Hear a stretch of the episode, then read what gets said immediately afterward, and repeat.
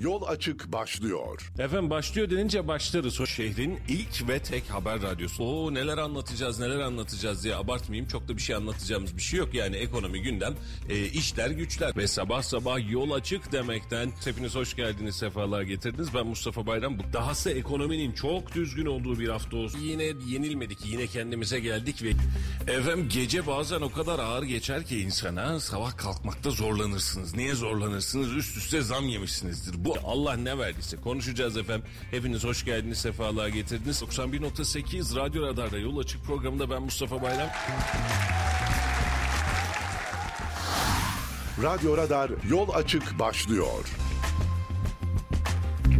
Efendim hayırlı sabahlar diliyoruz. Hepinize günaydınlar dileyelim ve bugün de size merhaba demek kısmet oldu. Hoş geldiniz, sefalar getirdiniz. 91.8 Radyo Radar'da. Bölgenin tek haber radyosunda ve Kayseri'nin çok dinlenen sabah programında gecikmeli başlayan yayıncılar size merhaba demenin keyfini yaşıyor. Hakkınızı helal edin. Dünkü yayın yoğunluğu beraberindeki sabah trafiği derken e, ancak geçebildik. Kusurumuza bakmayın efendim. Hoş geldiniz, sefalar getirdiniz. Bugün de saat 9'a kadar günü gündemi memlekette olan biteni, seçimi, ekonomiyi Kısaca velhasıl birçok şeyi konuşacağız ve sizlerle beraber paylaşmaya da devam edeceğiz. Hepiniz hoş geldiniz, sefalar getirdiniz.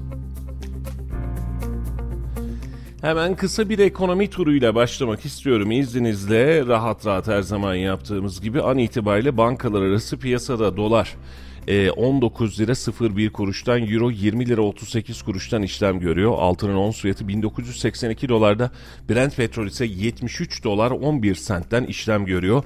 E, serbest piyasaya kapalı çarşıya baktığımızda ise dolar 19.27 euro ise 20.64'ten işlem görüyor. Altının ons fiyatı 2000'ler seviyesinin hemen altında direnç seviyesinde kaldı. Çıkmak ve çıkmamak arasında takılıyor.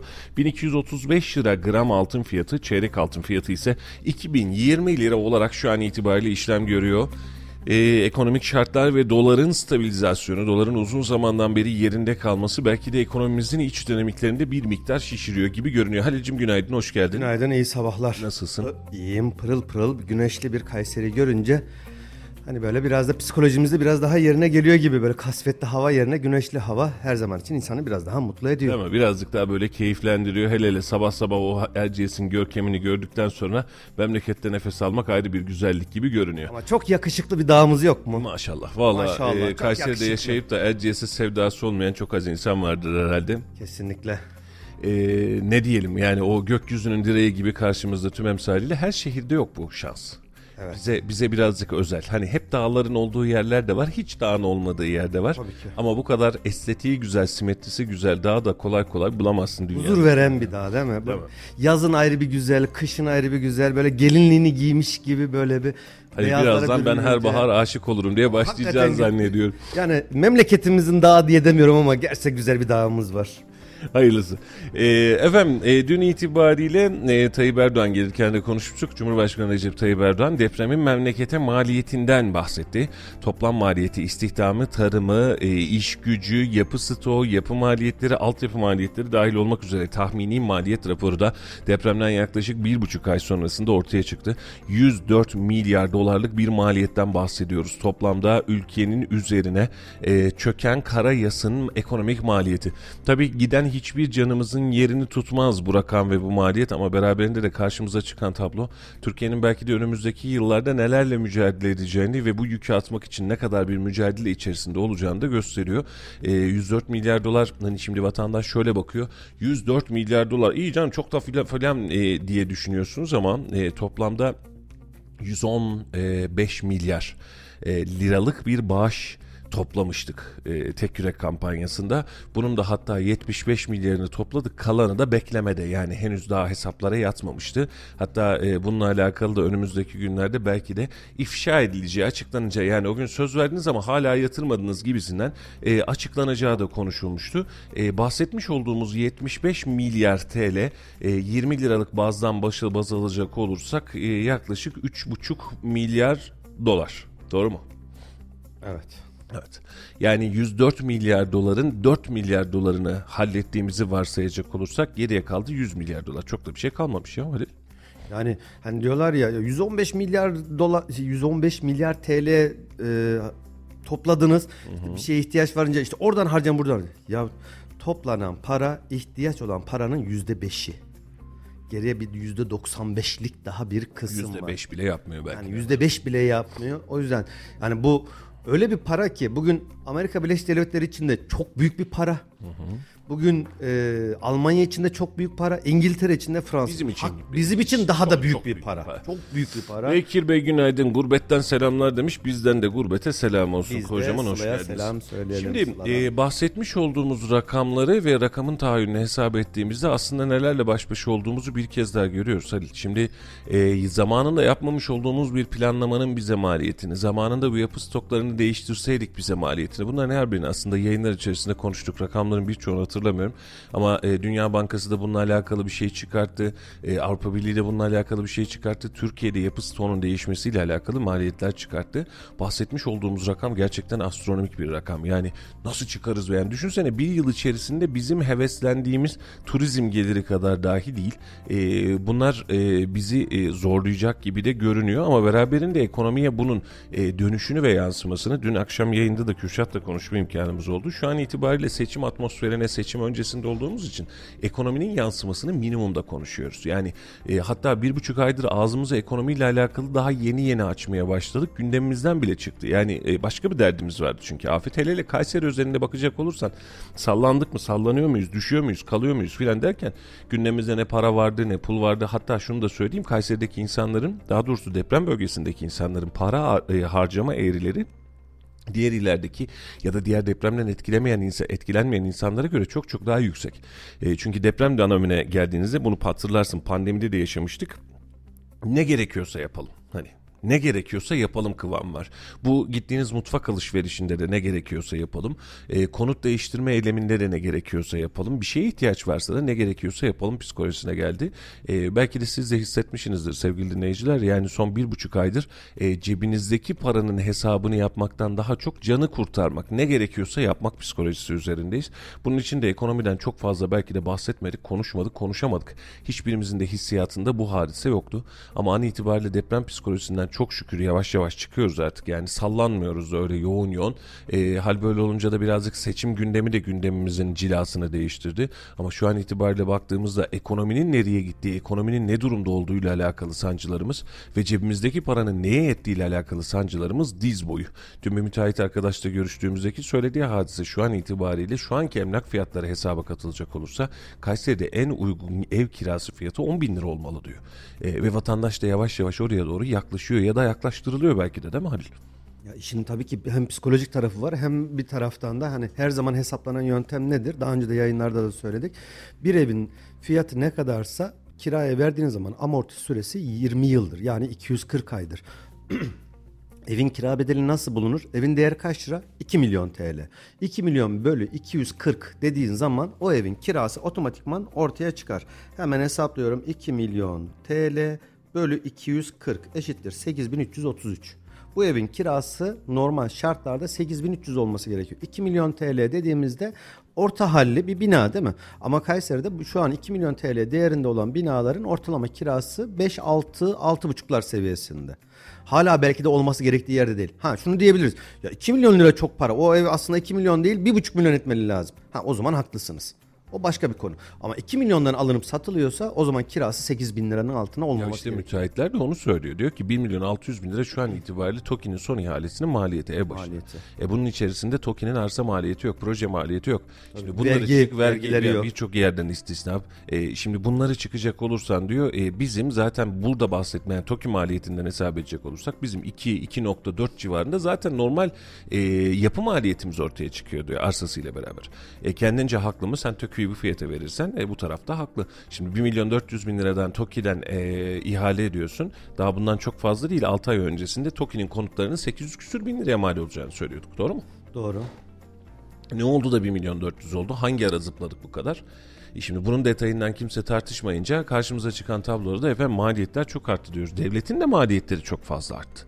E, yani e, sürekli olarak rutininde kendi maliyetlerini arttıran, e, yeniden değerleme oranıyla arttıran, vergileriyle arttıran, oranlarıyla arttıran bir mekanizma da var. Hal böyle olunca vatandaşın evin fiyatı ne kadar arttı acaba kardeşim diye soruyorsunuz. Vatandaş da diyor ki bak bu demirin fiyatı, bak bu betonun fiyatı, bak bu yapı denetim firmasının fiyatı, bak bu arsanın maliyeti ben nasıl çıkayım bu işin içinden diyor. E, kar edecekler mi? Tabii ki kar edecekler. Yapılacak müteahhit karlarına denilecek bir hadise yok ama vatandaş da çıldırdı, piyasa da çıldırdı, müteahhit de çıldırdı. Çık için içinden çıkabilirsin. Yani ne diyelim geçenlerde bir yine bir müstakil e, bir bina yapan müteahhitimizle konuştuğumuzda dedi ki ortalama 4 artı bir evin maliyeti 1802 civarı dedi. Kayseri Yapım, bazında. yapım maliyeti. Evet Kayseri. Ama dedi daha önemli bir şey var. Buyur dedik. E, arsa maliyeti de 2 milyon lira dedi. Evet. Bana dedi direkt maliyeti vergiler hariç ödeyeceğim vergiler ya da öngöremediğim giderler hariç bana maliyeti 4 milyon TL dedi. Ben şimdi bu evi ne kadar kar edeceğim kaç liradan satacağım üzerine vergiler eklediğim zaman bu evin maliyeti fiyat satış fiyatı kaç lira olması gerekiyor dedi. Şimdi burada bu maliyeti, e, müteahhit maliyetini bir tarafa koyarak söylüyorum. Hani eve alamadık varsayalım Halil. Yani 4 milyona evi alamayız zaten kolay kolay. E, uzun zamandır konuşuyoruz. Yeni maaş düzenlemesinden sonra iki tane çalışan memurun bir araya gelip de ev alıyorum demesi bile zor bir ihtimal. Yani hadi gel daha nasıl alacaksan al. E, doğru mu? Yani 15'erden 30 bin lira maaş al. Olmadı ya 20'şerden 40 bin lira maaş al. 40 bin lirayı hiç yeme içme bir yıl boyunca öde 480 bin lira yapar. Bir yıl boyunca hiçbir şey yemeden içmeden ödersin. E, bunu ortalama 10 yıllık vadeyle geldiğin zaman 4 milyon 800 bin lira. Bahsetmiş olduğun 4 milyonluk maliyeti faizler hariç ulaşamıyoruz. Öyle bir 10 şansın kaldı. yemeden içmeden E şimdi 1 milyon 200, 1 milyon 300, 1 milyon 400 bin liraya ev buldum, aldım.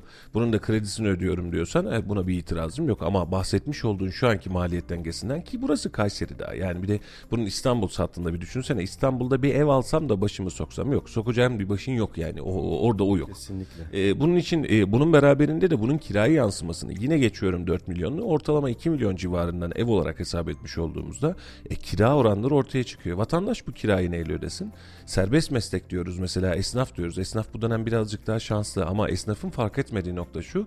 Bu pazar ve ücretlinin çalışan alanı veya gelir alanı daraldıkça yarın bir gün serbest meslekteki esnafa da yer bir aynen yansıyacak. Satın alma Bugün- davranışları azalacak. Canım ya bugün itibariyle yansımıyor. Mobilyacı diyor ki mesela abi işleri iyi çok şükür diyor. Niye? %40, %50, %30 yurt dışına satıyor. Kalanı da iç piyasaya satıyor. İç piyasada esnaf geliyor, memur geliyor. Almak zorundayım diyor. Tamam gidiyorsun. Ama bugün yüzüne bakmadığın, beğenmediğin yani beğenmediğin derken kötülemek gibi görmeyeyim. Yani orta segment mal, alt segment mal diyebileceğim bir evin takımını dizmek 80-100 bin liraya mal oluyor. Kesinlikle. Sadece mobilyada. Geçen düğün yapacak bir arkadaşlar hali vakti yerinde Allah mesut bahtiyar etsin. Abi şu an diyor takımlar 300 bin liradan başlıyordu evime alabileceğim takımlar. Yani o birazcık daha hali vakti takımı. yerinde salon takımı oturma odası vesaire. O da biraz pahalıya kaçtı. O evet o birazcık pahalı tarafı. Yani işin uç tarafını göstermek için söylüyorum. Bu da var işin içinde. Yok ya biz ucuz gidelim yani işte tamam neyse 3 5 8 sene bizi idare etsin diyebileceğim bir takım maliyetine girdiğinde 70 80'i gözden çıkartıyorsun. Minimum. E şimdi e, bu bahsetmiş olduğun rakamlarla bu insanların alım gücü düşüyor mu? 70-80 bin liraya adam e, maaşını 8 lira 10 lira maaş da hesap edecek 10 bin lira maaş alıyorum ben de yeni ev kuruyorum demiş olsa altından kalkma şansı yok. Ya bir taraftan Bu ya çok özür diliyorum şunu tamamlayayım. Bu sanayiciye de yarın bir gün yansıyacak. Bu beraberinde bakkala da markete de tüm satın alma gruplarına hemen hemen e, yansımış olacak. Hal böyle olunca da sen oturup bakacaksın biz nerede hata yaptık diye. Ama bunu düşündüğümüz gün ki çok uzak bir tarihte değil bunu düşündüğümüz gün birçok şey içinde çok geç olacak. Mesela et politikasında şeker politikasında yaptığımız yanlışların acısını süt politikasındaki yaptığımız yanlışların acısını bir yıl sonra iki yıl sonra çok derinen hissediyor olmamıza rağmen hala bir şey yokmuş gibi sanki anlık hayvan satanlar ya da yetiştirenler mal kesmiyormuş satmıyormuş onlar yükseltiyormuş gibi havaya girmek gibi bir şey. Yani bugün itibariyle alt gelir grubu satın alma fonksiyonlarında satın alma hareketlerinde gevşeme azalma lüksten kaçınma ve temel gıdaya yönelme hadisesine doğru girecek olursa çok fazla değil 6 ay sonra bir sene sonrasında biz ne yapıyoruz nasıl çıkacağız bu işin içinden diye tüm esnaf tüm sanayici oturup ortak bir derde yanacak. Bak biz 2018 ve 2019'da o zamanlar doların bir anda işte 3 liralardan 6 liralara 7 lirada çıktığını gördük. Şu anki yaşadığımıza benzer bir e, döviz kurlarında artışlar oldu. Böyle bir krizler oldu. Enflasyon bir anda arttı derken biz faizleri %24-25'lere kadar çıkardık. Ama e, o 2018-2019'da yaşadığımız o dövizin artması, enflasyonun artması, pazarın daralmasının ana nedeni 2011'e dayanıyor. 2012'ye ve 2013'e dayanıyor.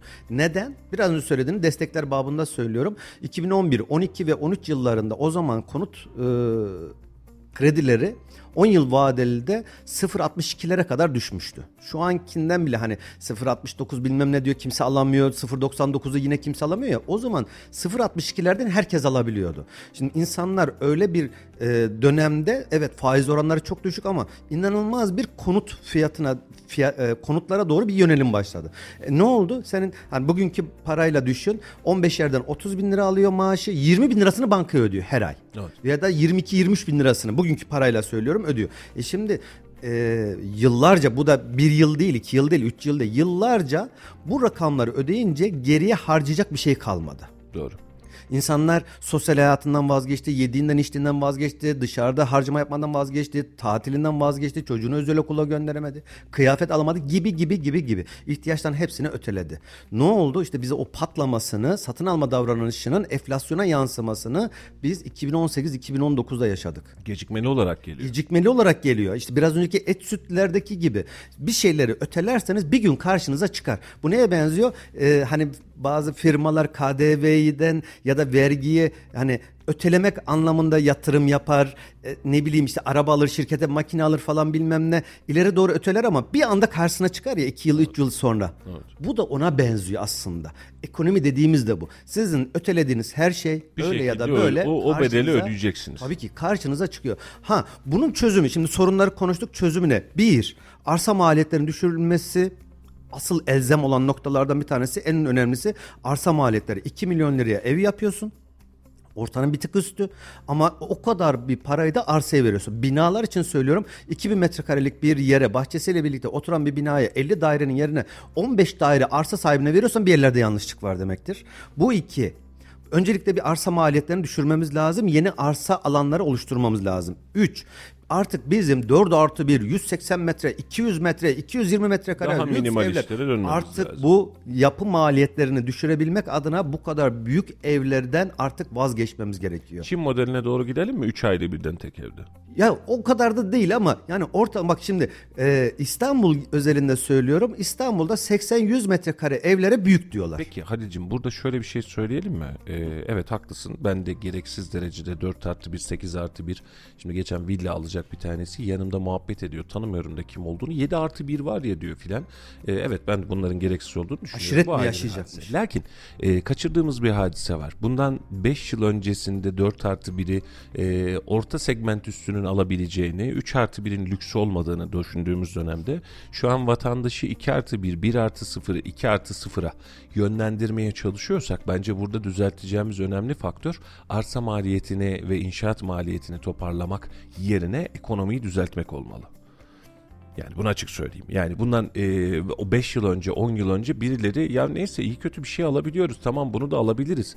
Bunun da ucundan girelim de borçlanalım 3-5 seneden bitiririz. Birikmişimiz yetiyor arabamızı satarız maaştan birazcık az yeriz deyip geçebilecekken şu gün itibariyle baktığımızda tablonun içerisinden çıkıyoruz. Biz bu evi almak için "Cık, alamayacağız bu kadar evi. O zaman yaşamak için 2 artı 1, 2 artı 0, 1 artı 1 tercih edelim moduna dönüyoruz. Burada bence hiçbir mahsur yok. Yani o yaşadığımız çok geniş alanlara bunun enerji tüketimine filan ihtiyacımız yok. Bu konuda normal bir ekonomik şartta ben seninle hemfikirim. Ama şu dakika itibariyle ekonominin daralmasını vatandaşa arsa maliyeti yüksek, ev maliyeti yüksek, küçül o zaman diyoruz. Peki ekonomiyi niye bu ne ara bu kadar küçülttük biz? Yani bunu yeni dönem için söylemiyorum. Eğer oturup doğru konuşalım. Şu an itibariyle biz memlekette Kayseri'de 4 bin lira 5 bin liraya ev kirasını bulabiliyoruz doğru mu? Şu an itibariyle ortalaması 3 bin 3 bin 3500 civarından başlıyor. 6 bin 7 bin seviyelerine kadar gidiyor. E şu anki yapı maliyetleri itibariyle önümüzdeki 1-2 yıl içinde bugünün parasıyla 10 bin liradan aşağıya e, biz ev bulamayacağız gibi görünüyor. Mümkün E değil. peki e, bu noktaya vatandaş geldiğinde maaşının e, maaşından da fazla rakamda ev kirası ödeme hadisesine geldiyse o zaman ev kiraları mı yüksek maaşlarımız mı düşük? Çünkü ev kiraları diyor ki benim yapım maliyetine göre sana vermem gereken tablo bu diyor. Adama da hiçbir şey diyemiyorum. Şu an itibariyle 3 bin liraya 4 bin liraya ev kirasına veren arkadaş sadece utanma pazar millete ayıp olmasın diye e, yaptığı evin ya da harcadığı maliyetin farkında olmayan vatandaş. Şu an şu dakika itibariyle sıfır. Ya geçen gün Ahmet Bey'le konuşuyorduk mesela insanlar krizden dolayı daha doğrusu depremden dolayı evlerini satmaya niyetler. Doğru mu? Satıyorlar da hatta bir taraftan. Tamam sattık evimizi kardeşim. Hadi biz de bunları alsak da ucuz satıyorlar zaten. Kiraya mı versek? Rentable değil ki. Adam 2 milyonluk evine 1,5 milyon yazmış. Kabul düşürmüş evini. 1,5 milyonluk evine 1 milyon yazmış. Buna da kabul. Hadi alalım kiraya verelim. Kaça kiraya verirsin? Yatırımını ne kadar sürede e, senin toparlasın? Yani o ev e, örnek veriyorum 5 bin liradan kiraya veriliyorsa 1,5 milyonluk bir ev biri aldıysa yatırımcı yine 5 bin liradan kiraya veriyor. Evet. Aslında onlar için bir anlamda fırsat. Ticari anlamda fırsat. Ama biraz önce sorduğun soru her ikisi de doğru aslında. Hem e, gelirimiz e, düşük hem de bizim o gereksiz yere büyük artık o lüks dediğimiz noktalardan artık biraz daha minimal yaşama dönmemiz gerekiyor. Yani gereksiz bir şey ne diyelim harcama. Bu neye benziyor? Ee, benim param var tamam güzel. Ben hiç dağda taşta işim yok. Ben sadece asfalt yolda işime gidiyorum geliyorum. Devasa V6 motor 3000 cc devasa jip alıyorum. Ya benim işimi atıyorum 1.6 Tamam, motorda görüyorum. bak Gibi. kardeşim. Sadece bir örnekleme. Bak baktığın yol doğru. Ben de seninle fikrim. Ama bak bizim aile yaşantımıza bir bak. Son 20 yıldır 30 yıldır bunu yaşamasak da bundan 30 yıl öncesine dön. 40 yıl öncesine dön. Rahmetli baban hayatta olsa e, ve e, e, ev içerisinde oturuyoruz. Çocuklar var, biz varız. Gelin aldığında nereye koyuyordun gelini? Eve alıyordun. E, büyük baba büyük nine nerede yaşıyordu? Sen de yaşıyordu dışarıya bırakmıyordu. Şimdi sen diyorsun ki e, 2 artı bir eve geçelim mi? Geçelim. Gelin alabilir misin eve? Alamazsın o defteri kapattık geç dedik. Şimdi varsayımsal olarak gidiyorum. Annem babam ya yaşlandı eve mi alsak acaba? Abi zaten eve zor sığıyoruz nereye alacağız? Bunu da diyeceğiz mi? Bunu da diyeceğiz. Şimdi bak ekonomik şartlar bizi küçülmeye sebebiyet veriyor ama şimdi koca koca yaşayan aileler var. Bu memlekette var. Herkes e, yani çok özür diliyorum hani e, sen zaten öyle bir durumun yok dediğimi ne olur yanlış anlama. Annesini babasını huzur evine falan göndermiyor. Baba vefat etmiş anne duruyor anne vefat etmiş baba duruyor ne yapacak? E, babayı taşıyor sırtında. E gel evimde kal diyor. Çocuğu var iki tane üç tane bunlar evde kalıyor. Nereye sığdıracaksın iki artı bire? Bir artı bire?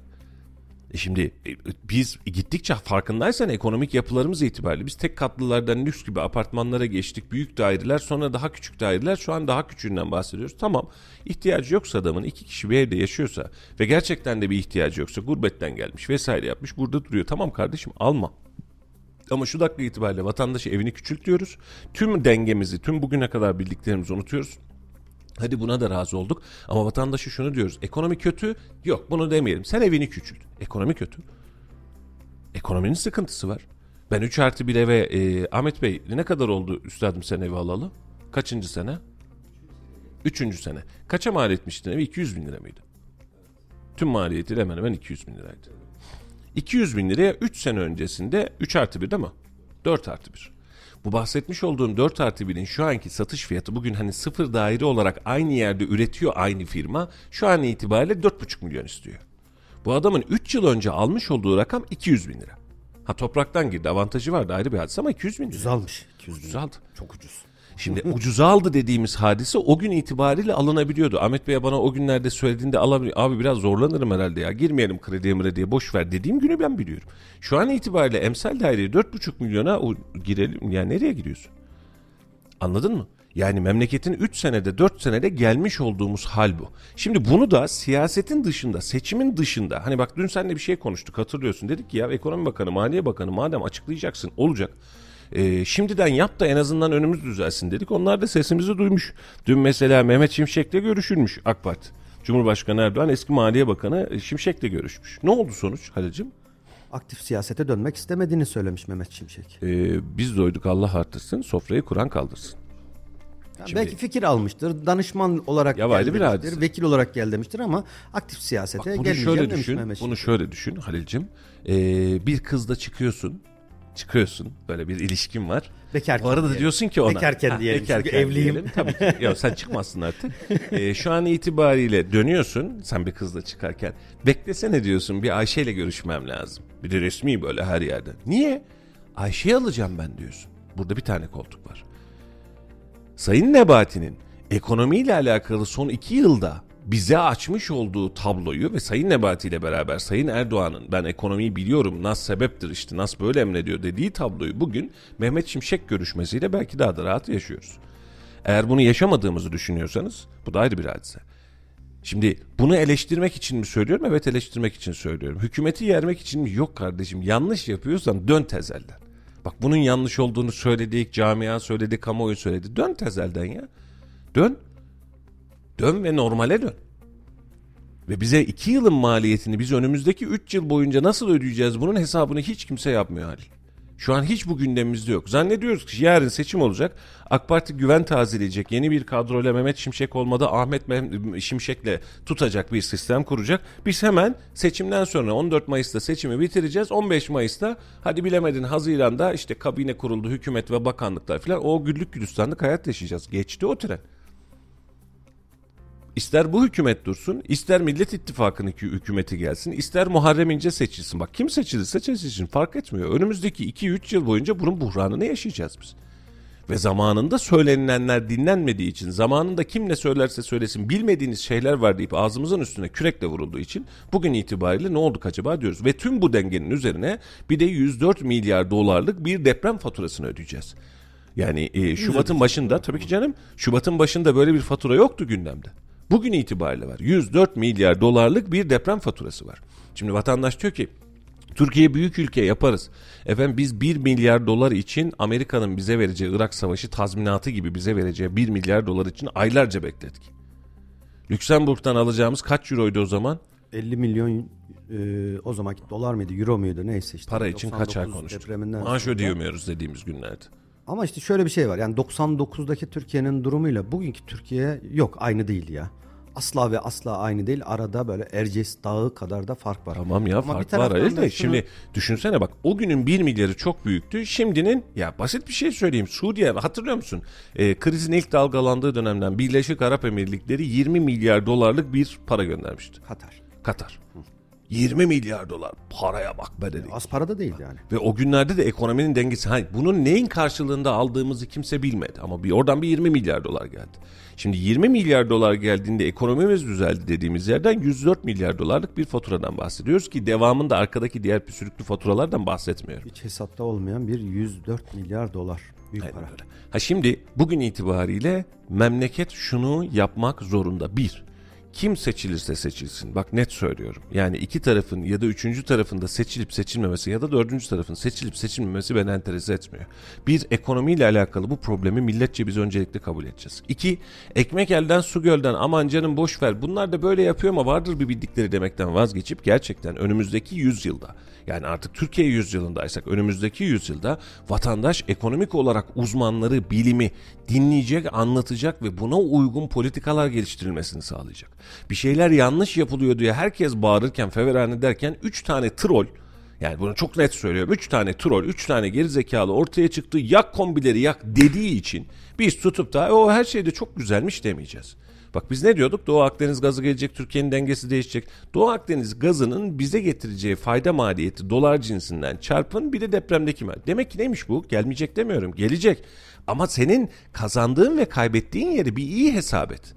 Bir nerede olduğumuzu bir iyi hesap edelim. E şimdi bunu yapmak yerine bu coşku tabii ki Doğu, Doğu Karadeniz'deki gazımız gelsin. Tabii ki TOG'umuz üretilsin. Tabii ki yerli uçağımız göklerde olsun. İHA'larımız olsun, SİHA'larımız olsun. Valla buna itiraz edecek kaç tane adam çıkar? Türkiye'nin belki de yüzde beşi çıkar değil mi buna itiraz edecek? Bunu idrak edemeyecek. Bunlar hepsi bu ülkenin güzelliği ve zenginliği. Bunları tabii ki yapmak lazım. Ama beraberinde elimizdeki var olan mali veriyi de iyi yönetebilmeye ihtiyacımız var. Sen şu vakte kadar iyi yönetemediğin, yönetimsel olarak sisteme koyamadığın işlerin sonrasında hatırlıyor musun o zamanki o lafı? Biz ortodoks sistemi dedi kabul etmiyoruz. Ortodoks sistem ne? Bir din değil bu. Biz kitabi yazılan sistemi kabul etmiyoruz. Biz kitaptaki ekonomiyle yönetmeyeceğiz dedi Tayyip Bey. Hay hay. Ben o zaman sen ne yapmıyorduk? Melih ile yapıyorduk yayını. Dedim ki eğer biz yanlış biliyorsak ve bu sistem tutarsa Nobel ekonomi ödülünü, bilim ödülünü işte ne diyorsan yani Tayyip Bey'e vermek lazım. Demek ki bizim bilmediğimiz, kaçırdığımız ve kendinin gördüğü bir gerçeklik var demiştik. İki yıl oldu. Tablomuz da ortada. Şu an itibariyle Ahmet Bey'in 3 yıl önce, tam 3 yıl mı oldu Ahmet Bey? 4. yılında 3 yıl oldu. 3 yıl önce 200 bin liraya aldığı evi bugün 4 milyon alamıyorsak Ekonomimizin hangi enflasyon seviyesinde olduğunu görelim. O gün e, Ahmet Bey e, sen kısacık e, eski dönemden o günkü maaşlar itibariyle baz al. E, o günkü sen emsalde o dönemki maaş alan işte şirket özelinde bak kaçta maaş alıyordu bugün kaçta maaş alıyor? O gün 5 bin liraysa bugün de 20 bin lira mıdır? 4 kat. Yani o gün biz 200 bin liraya alıyorsak bugün en fazla 800 bin liraya almamız lazım. Doğru mu? Maaş endeksine göre. 800 bine şu an 2 artı 1 alamıyorsun. Maaşlı çalışanın memlekette son 3 yılda ne kadar eridiğinin emsal resmidir. Hacım senin eşin ee, bir kurumda çalışıyor. Şimdi maaşıyla ne alabiliyordun? Maaşıyla ne alıyorsun? Ve bak bir kurum bu yani Türkiye genelinde bir kurumda çalışıyor. Ne alabiliyordun ne alıyorsun? Bir, bir hesap etsene. 4 yılda 3 yılda neyi kaybettik? O gün itibariyle senin eşin e, tarzında e, maaş alan birisi için e, böyle o var ya Siyoneki ya filan idin doğru mu? Bugün itibariyle bakıyorsun çok da bir hükmü kalmadı iş. maaş. Yani bunları yaşamamak için de vakti zamanında işte hep söylüyoruz bıldır ki hurmalar e, tırmalamasın diye bunları vakti zamanında konuşmamız, yapmamız, aksiyona geçmiyoruz. Ha şimdi aradan geçti 4 yıl 5 yıl. Ekonomiyi kötü yönettik ama canım boş ver dedik. Bugün itibariyle bitmedi dert. Bugün idrak edersek önümüzdeki 2-3 yıl içerisinde toparlanacağız ve bir daha düşmeyeceğiz belki aynı deliğe. Ha yok bugün idrak etmeyecek olursak şimdi seçtik Kemal Kılıçdaroğlu'nu başkan yaptık. Güzel. Buyursunlar Başkan Bey. Ee, başladı faaliyetlerine, fonksiyonları. Tamam buyurun başlayın. E, peki sen aynı mantıkta benzer politikaları, serseri politikaları üretmeye devam edersen önümüzdeki 10 yılda durum değişecek mi? Hayır değişmeyecek. Onun için neymiş? Devlet yönetmek farklı bir stratejiyle devam eder ve devleti bürokrasi kendi içerisinde yönetir. Siyasetçi ne yapar? Siyasetçi de bu işin makyajını yapar. Doğru mu? Devlet politikasını kim belirler Halil'cim normal şartlarda?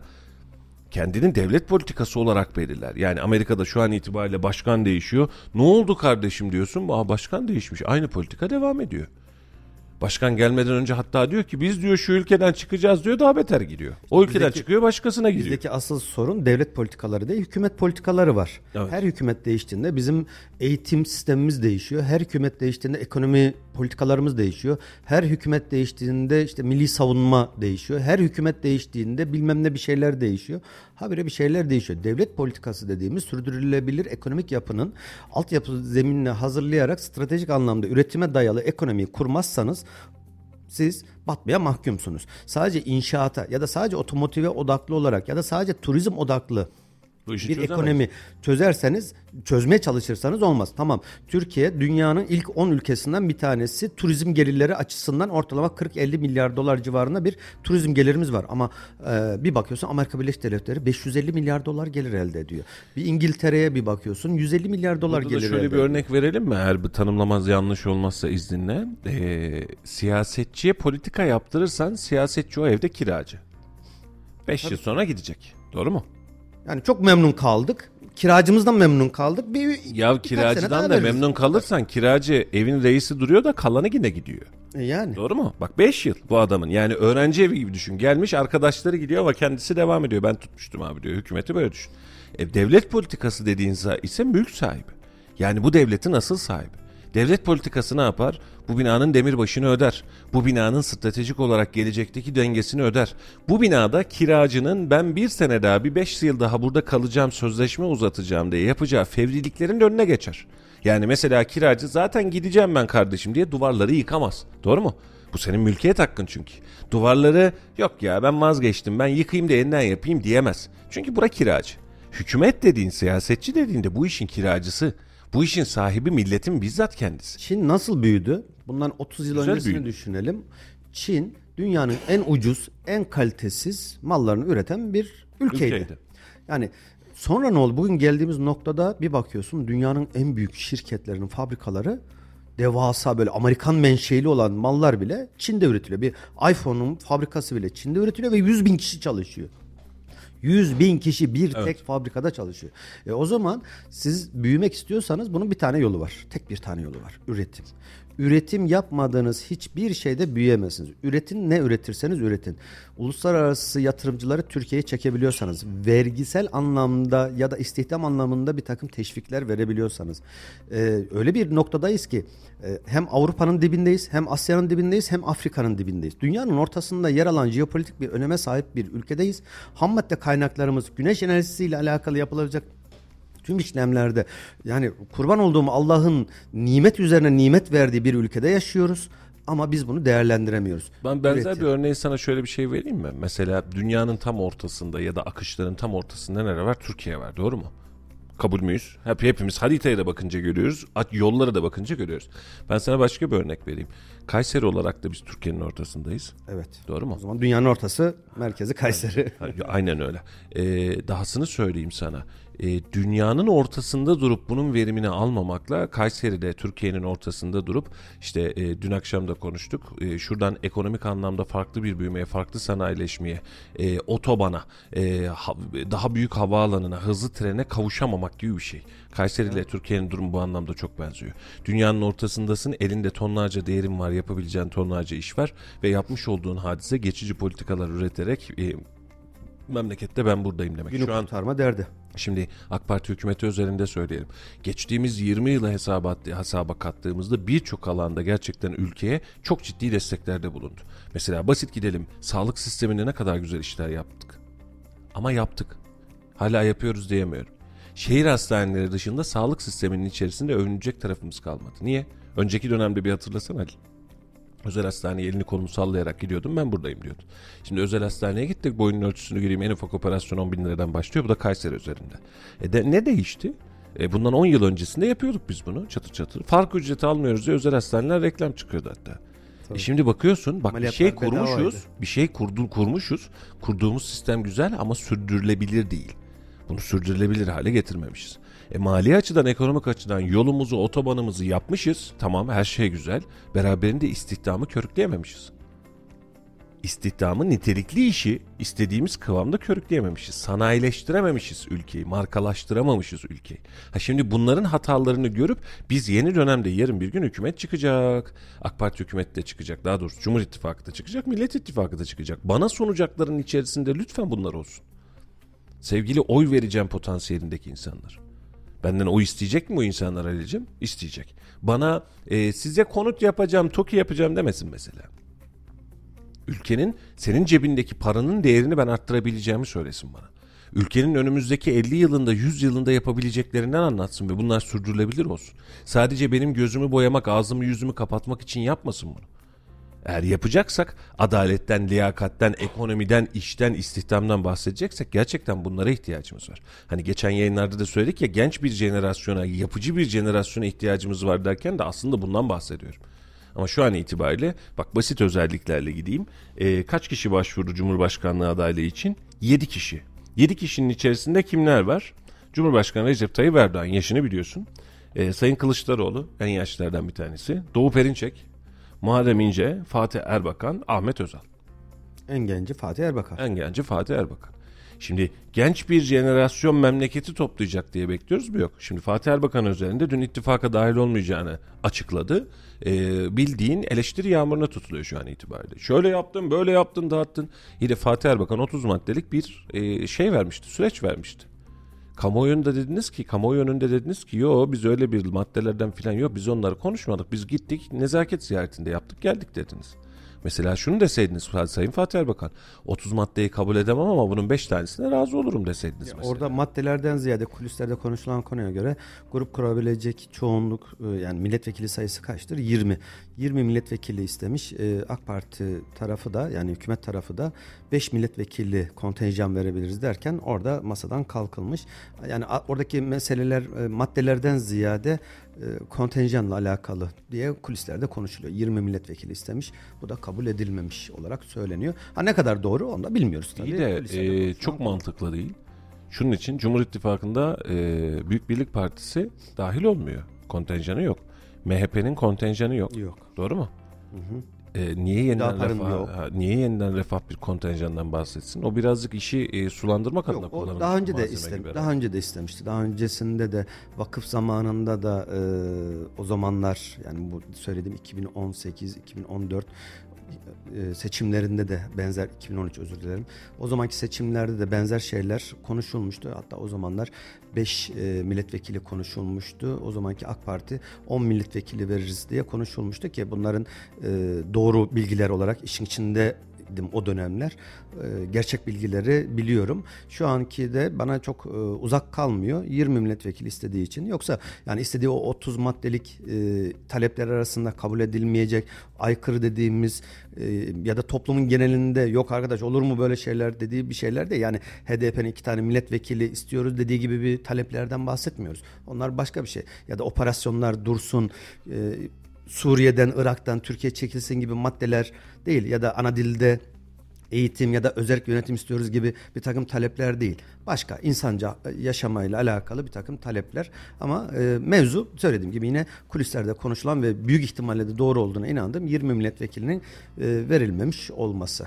Gibi görünüyor diyorsun. Ha, kendi tabii Doğrudur, ki şey tercihidir. diyemem. Yanlarında saygı duyarız. değildim. Saygı duyarız. Sonuçta bir siyasi partinin genel başkanı mutlaka sadece bu tek başına karar vermiyor. Bir istişare heyeti var. Onlarla beraber artılarını, eksilerini, doğrularını, yanlışlarını mutlaka konuşuyorlar. Kendi tercihleri niye böyle oldu diye sorgulamak da bize çok fazla düşmez. Evet.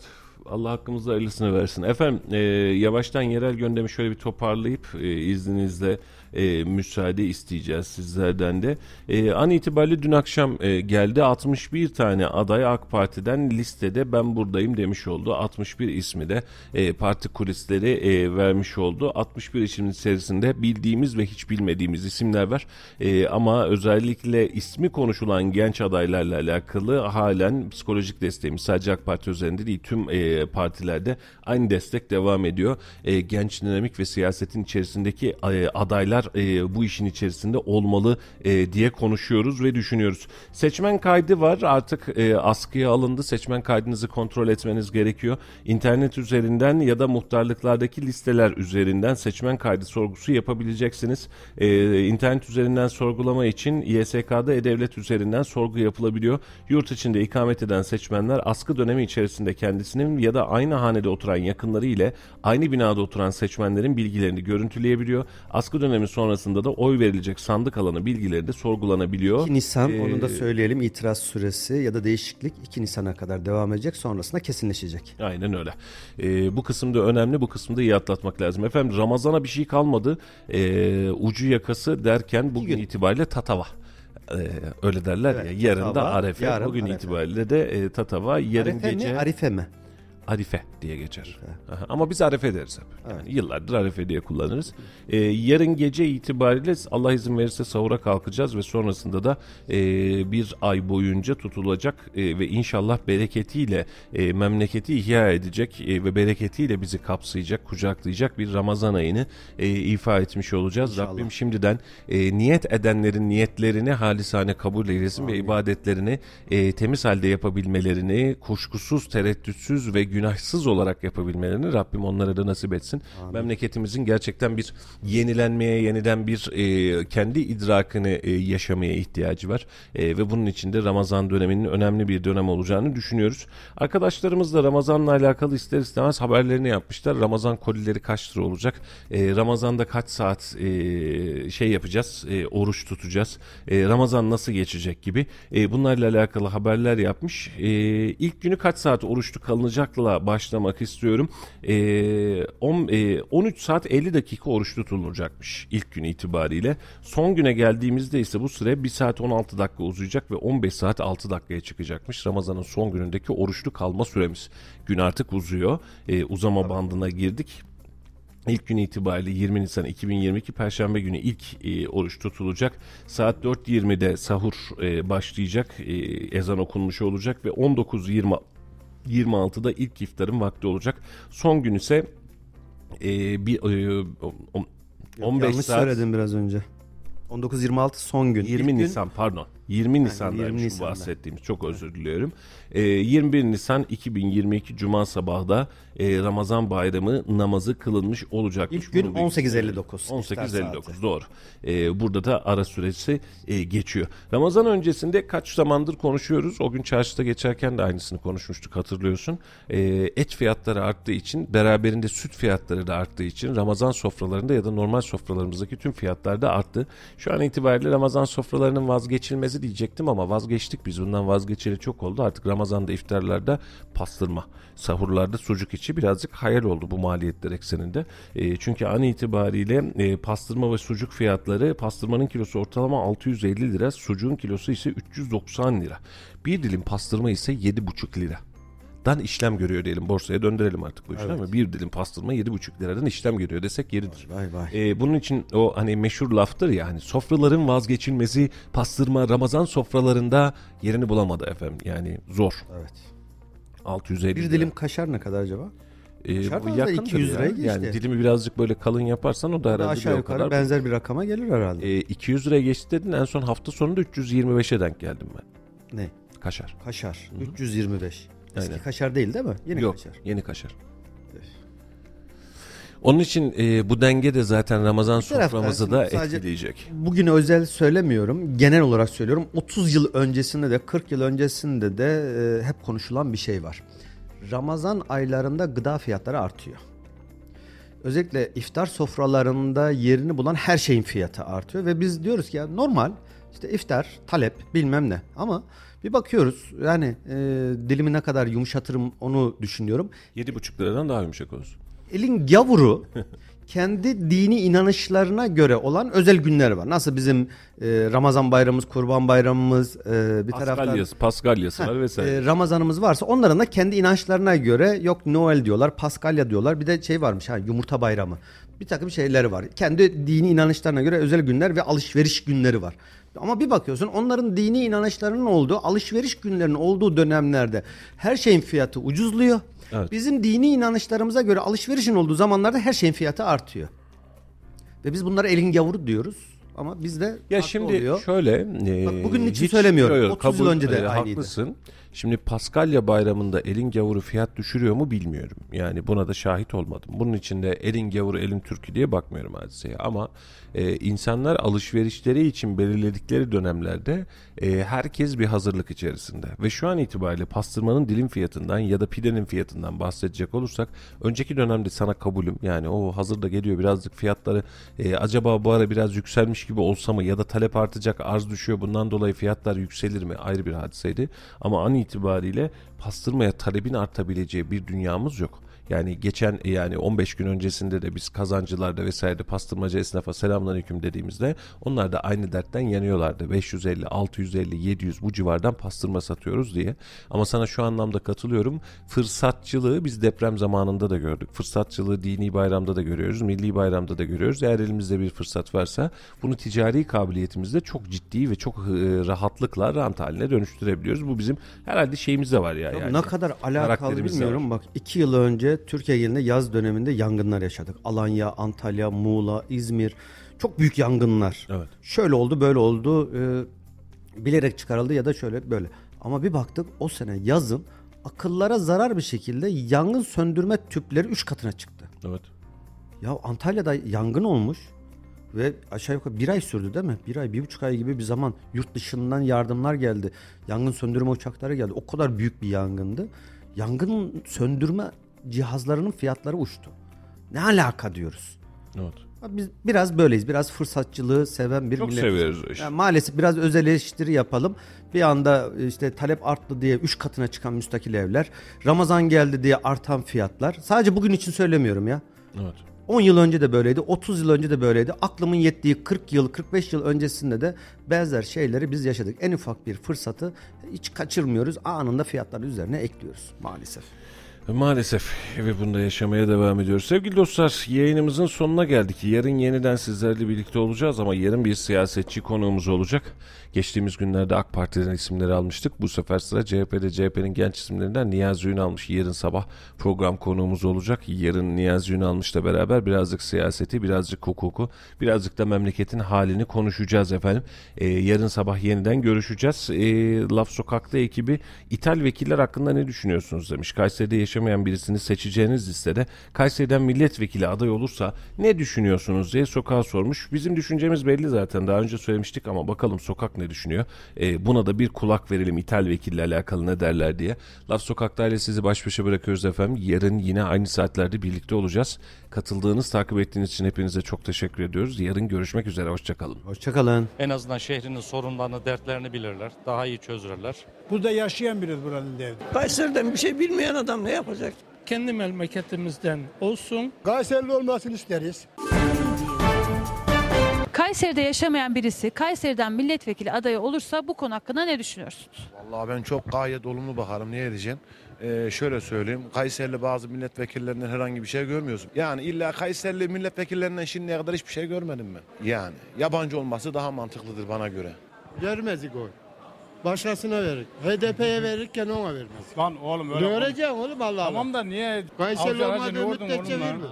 Nerelerdesin lan? kimliğinde Kayserili yazacak. Kay Kayseri'nin zaten milletvekilleri Kayseri'ye ne yapıyor koy yapsın yani. Olmamasını tercih ederim. Herkes kendi şehrinden aday olsun. En azından şehrinin sorunlarını, dertlerini bilirler. Daha iyi çözürler. Ee, artı bir de e, eğer mümkünse şu an hali hazırdaki bütün milletvekilleri değişsin. Yeter artık yani sürekli aynı insanlar aynı şeyleri tekrarlamaktan da artık insanlar bıktı sırf benim görüşüm değil. Bir vatandaş arasında konuştuğumuzda da bence bütün milletvekilleri değilsin. Gençlere daha çok yer verilsin. Ee, Geleceğimiz gençler sonuçta. Yabancı ilden gelir de burada milletvekili olmak istiyorsa ben oyumu vermem. Bu kadar basit. Buranın e, halkı onun, onun halk derdini o bilir. Başkası bilemez. Yabancı olan buranın derdini yani. Burada yaşayan biriz buranın derdini yani. Kayseri'si de bir, Adana'sı da bir, İstanbul'da bir. Her taraf bir.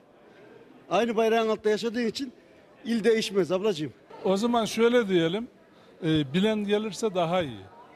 Biz parti olaraktan herhangi bir şeyi gözetmiyoruz. Sadece ülkemizin bilen vatandaşları gelirse daha güzel olur diye düşünüyoruz. Kayseri'den bir şey bilmeyen adam ne yapacak ki? Bilgisi yoksa Kayseri'nin kültüründen, ondan sonra ekonomisinden haberi yoksa ne yapacak? Hiçbir şey yapmayacak. Gelecek gidecek devletten parasını alacak. Başka ne yapacak? 600 tane milletvekili var. 10 tane Kayseri'den milletvekili var. Ne yapıyorlar? Bana yaptıklarını bir göstersinler. Sadece yaptıkları iş para almak. Devletin milletin cebinden para kazanmak. Beleşten geçiniyorlar. Onu bilemiyorum yapacağı icraatlara bağlı yani. Şimdi hani bilemeden de görmeden de tanımadan da bir şey diyemeyiz. Kayserili milletvekili adayımız kendi görüşümden de olsa ben e, razı değilim.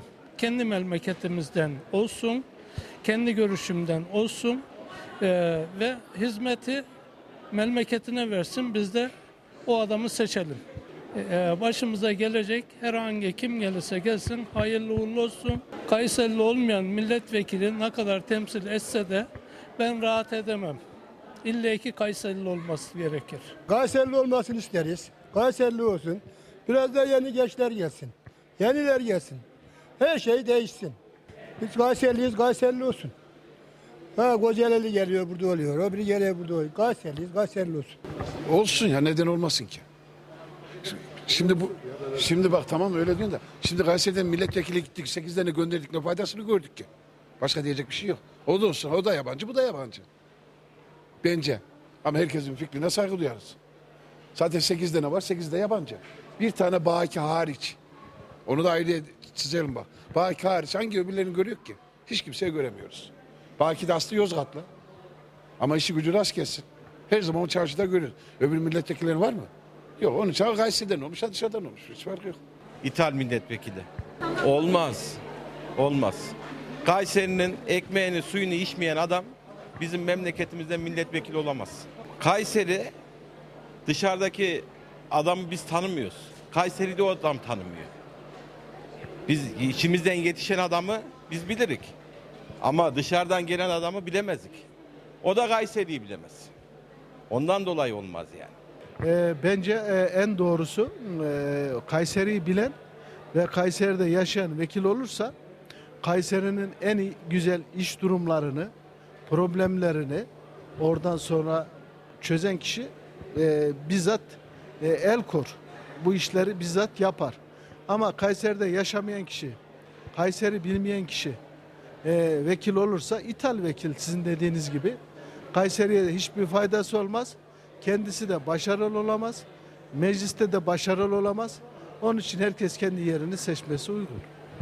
Ee, ve e, kendi bölgesinden seçilmesi en doğal, en güzel olanı da o. Çünkü güzel işler yapılır. Ama bir ithal vekil bilmezse, problemlere el koyamazsa, problemlerin nereden gerçekleştiğini bilemezse Kayseri'ye ne faydası olabilir? Olamaz.